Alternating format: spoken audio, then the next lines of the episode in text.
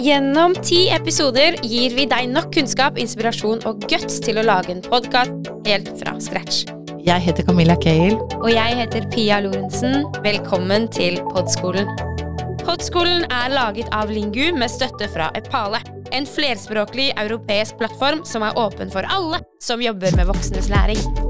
Dette er episoden der du får vite hvem vi er, hva vi skal gjøre, og hvorfor podkasting er så bra for deg som driver med pedagogisk kunnskapsformidling. Så hvis du aldri har tatt i en mikrofon, Eller en lydfil. ja, da er dette podkasten for deg. Ja, for eh, terskelen føles kanskje høy når det gjelder både det tekniske og hele publiseringsprosessen, men vi vil jo faktisk påstå at din glitrende evne til å undervise og din forståelse av målgruppen er fundamentet for å lage en god podkast. Og du lurer kanskje på hvorfor du skal lytte til oss når det gjelder podkasting. Da kan jeg fortelle at vi tilhører content-avdelingen i Lingu, som både er en språkskole og en edtech-bedrift, der jeg, Camilla, er podkastansvarlig. Og jeg, Pia, er innholdsansvarlig. I Lingu Content utvikler vi e-læringsressurser, og vi har 16 digitale læreverk på samvittigheten. Og Tre podkaster der vi har skrevet og produsert over 80 episoder for innlærere og lærere. Med oss på reisen har vi dyktige fagfolk fra Fleksibel utdanning Norge, nemlig Ebba Køber og Kari Olstad. Og det som er litt kult, er at vi har invitert Fun til oss som prøvekaniner. Kari, hvem er egentlig Fleksibel utdanning Norge? Vi er en organisasjon som jobber for at god utdanning skal være tilgjengelig for alle, uavhengig av bosted, livssituasjon og individuelle behov. Og Kari, kan du fortelle litt om din rolle i Fleksibel utdanning Norge? Ja, jeg er vel det pedagogiske alibiet som resirkulert lærer, så jeg har gått fra å være klasseromslærer som brukte digitale verktøy, til egentlig å bare jobbe med digitale verktøy, til at jeg nå jobber med å gjøre læring tilgjengelig med god bruk av, eller helt uten bruk av, digitale verktøy. Da lurer jeg, Ebba, på Kan du fortelle litt om din rolle i Fleksibel utdanning Norge? Ja, jeg jobber med kommunikasjon i Fleksibel utdanning Norge, noe jeg føler man aldri blir utlært på. Jeg har bl.a. ansvar for vår podkastsatsing framover. Og jeg jobber også som redaktør i vårt fagpressemagasin Synkron. Og vi er her for å lære, for vi har faktisk tenkt til å starte vår egen podkast, så dette blir spennende. Ja, vi, eh, vi formidler jo mye om undervisning og utdanning og god, fleksibel utdanning og opplæring.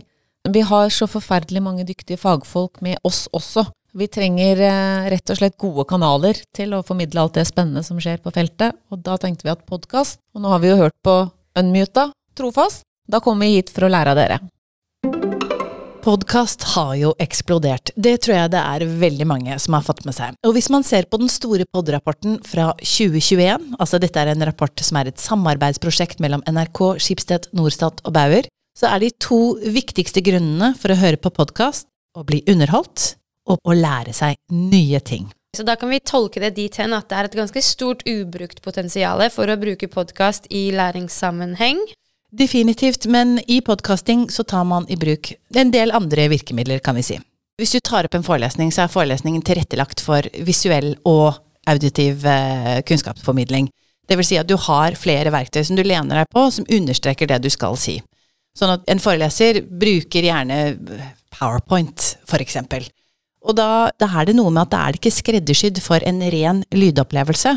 Så det å kunne bruke podkast hvor du tar høyde for at her skal det bare lyttes, det skal ikke også være noe du skal se på, det er, eh, det er noe som gjør det mer autentisk og gjør det mer tilpasset. Og den derre powerpointen, altså den som eier presentasjonen, den styrer hele samtalen selv. Selv forelesere som ønsker å invitere til dialog, fordi du står og styrer den tavla, så styrer du også hvor alt skal gå. Mens når du bare har samtaleformatet, så føles det mye åpnere som tilhører, eller som medsnakker, så føler jeg at det kan gå alle veier. Så da tar jeg deg på ordet, Camilla. Hva er det som er så stas med podkasting i kunnskapsformidling? Er det noe forskning på det her? Ja, det er en hel del forskning, blant annet rapporten til NIFU om fleksibel opplæring, som nevner dette med at podkast i seg selv er et format som fungerer fordi i en læringssituasjon vil podkast være ikke det eneste, men ett av mange verktøy innlæreren kan bruke på vei mot målet. Og det passer jo fint med ideen om fleksibel opplæring, fordi podkast og lydfiler det gjør at lytteren ikke er bundet av noe annet enn å ha en fulladet telefon i lomma og øretelefonene på. Så det er både tilgjengelig og fleksibelt. Man kan gjøre flere ting mens man lytter. Man kan gå på tur, vaske huset, kjøre bil, lage mat. Så det passer spesielt godt for vokseninnlærere. Altså Som du sier, man kan lytte hvor som helst og når som helst.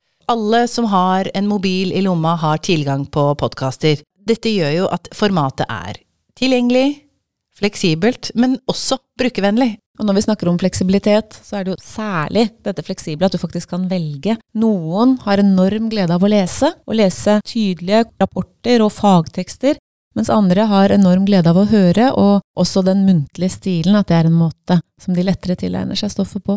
Så det å kunne velge, når vi snakker om uh, dette med fleksibelt, den NIFU-rapporten som kom i fjor, Fleksibel opplæring for voksne, den er jo opptatt av fleksibilitet i flere dimensjoner, annet i innhold, at den som skal lære også kan velge måten å tilegne seg et innhold som passer for den enkelte. Så skal vi være fleksible, og dermed tilgjengelige for mange typer studenter, elever og innlærere, så må vi også tilby dem ulike måter å ta inn læringen på. Podkast er nyttig for veldig mange, som en del av mange andre måter å ta inn kunnskap på. Ja, altså, det, er jo, det, er jo, så mange grunner. Dette er jo blant annet dette her med å kunne repetere emner man syns er vanskelig, hente seg inn på. Altså, det er veldig mange gode grunner til hvorfor dette er bra. Og da er det jo mange som får litt sånn angst for å lære. skal jo være en alvorlig ting hvor vi sitter stille og skriver notatene våre. Men, men det er en komplisert prosess, og hjernen vår fungerer faktisk sånn at det å være i bevegelse når vi lærer inn noe nytt, kan gjøre at den informasjonen fester seg lettere og er lettere å hente fram igjen. Ja, og det er jo ikke uten grunn at veldig mange av disse superhukommelsesverdensmesterne bruker eh, rom- og husbilder for å huske lange og kompliserte sekvenser. Det er jo dette med romfølelsen vår og bevegelsesfølelsen vår er knyttet til hukommelsen vår. Men hvis vi flipper det over på kunnskapsformidleren, finnes det noen fordeler for dem? Ja, absolutt. Altså, for gjennom bruk av podkast så kan det jo hjelpe deg som underviser til å både prioritere og legge til rette for mer aktiv læring i klasserommet. Altså, de siste to årene har jo lært oss veldig mye om både synkron og asynkron læring.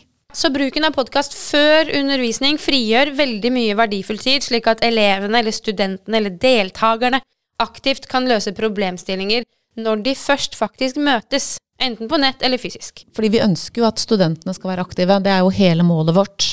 Og, og jeg tenker at podkasten naturlig stimulerer til samtale om fagstoffet fordi at den i seg selv er en samtale. Og det trenger ikke å være to stykker som snakker sammen i podkasten. fordi hvis en lærer snakker direkte til elevene, så får det et sånt samtalepreg. Jeg vet ikke åssen det er med dere, men jeg snakker ofte tilbake med Når jeg sitter og hører på en god podkast, så blir jeg ivrig og begynner å svare på spørsmål og, og snakke med podkastverten. Jeg gjør aldri det når jeg leser en bok. Jeg tror, jeg tror formatet man får presentert uh, innholdet, har noe å si. Uh, og jeg, jeg, jeg, tenker at særlig hvis man er litt usikker som lærende, at det å ha øvd inn litt sånn den samtaletanken før man skal begynne å diskutere med andre studenter, det tror jeg er nyttig. At, at det er den måten man har bearbeidet stoffet på. Man skal tross alt tørre å si hva man tenker om noen ting. Du, du tenker over ting på en annen måte. Ja, altså Dette er jo grunnsteinen i et syn der man som kunnskapsformidler først og fremst fungerer som veileder enn foredragsholder. Dette høres jo nesten for godt ut til å være sant. Det må jo være noen fallgruver for både den som lager og bruker podkast i kunnskapsformidling. Du har jo ganske mye erfaring nå, Camilla. Du har eh, erfaring med Norskpodden og Unmuta og har holdt på i noen år. Så derfor lurer jeg på om du har noen tips til hva man ikke bør gjøre. Har du gjort noen feil, slik at jeg og vi slipper å gjøre dem? Jeg har det. Jeg ja. har, og alle feilene og alle tidstyvene skal vi gå metodisk i sømmene på episode for episode. Men når vi snakker litt sånn på et overordnet nivå, så tror jeg kanskje den største feilen er å undervurdere verdien av å ha noen å spille ball med. Altså, jeg ble jo kjent som bunkersdama i hvert fall ett år. Eh, det, er jo, det er jo en grunn til at jeg ble kalt bunkersdama. Vi kaller deg det fortsatt. ja, det kan veldig godt hende. Uh, og det var rett og slett fordi jeg spurte selv om å få lage podkast. Motivasjonen var skyhøy. Jeg var supergira. Jeg har ante ikke hva jeg holdt på med. Jeg hadde ikke så mange ressurser å lene meg på, men jeg fant veldig kjapt hvordan jeg skulle gjøre ting, takket være YouTube-videoer og ymse forskjellige instanser. Så det er fullt mulig å, å gjøre dette her på egen hånd, men du blir litt gæren av å gjøre noe helt alene. Av mange grunner. Ja, så, Eh, så i oppstartsfasen så var det greit, for da var motivasjonen motivasjonen Ja, ja, kjempehøy, og du ville lære mye nytt, og så det er en veldig intens lærings... En veldig bratt læringskurve. Sånn at eh, det å, å prøve å finne ut av disse tingene, og også rettferdiggjøre tidsbruk og innsats og engasjement altså, Jeg følte at det var kanskje ingen som skjønte egentlig hva det var jeg holdt på med, og at, eh, at det var litt ensomt. Det ble sånn einstøing. Du har ikke noen å kaste ball med, og Nei. det er ensomt. Det virker jo som du ikke er alene, fordi i rapporten vi har lest fra NIFU, så forteller de, og jeg siterer direkte, at prosjekter som tar i bruk ny og ukjent teknologi, risikerer fort å bli drevet fremover av såkalte ildsjeler, eller einstøinger. Eller bunkerstammer. Enkeltpersoner med særlig pedagogisk eller teknologisk kompetanse som mer eller mindre egenhendig driver frem en ny digital pedagogisk tilnærming. Dette kan jo føre til at prosjektene da blir totalt avhengig av enkelte ressurspersoner. Og dersom disse ressurspersonene slutter, eller på en annen måte blir hindret i å fortsette arbeidet med prosjektet, stopper prosjektet ofte opp uten at noen andre har den nødvendige kompetansen, kjennskapen eller motivasjonen til å ta over. Og dette er jo akkurat det du beskriver om din, eh, din opplevelse fra da du begynte. Men jeg har jo gjort mange, mange flere feil enn bare einstøingssyndromet. Hell yeah! Tilbake til Nei, nå syns du du er spydig. Hva skjedde nå? Nei, jeg, jeg har jo gjort mange, mange flere feil. En annen eh, litt sånn kjip eh, fallgruve er jo det å ha altfor høye forventninger til hvor kompliserte episoder man skal lage i begynnelsen. Podkastveien blir litt til mens man går, og da er det jo veldig greit å gi seg selv litt slack og begynne i det små.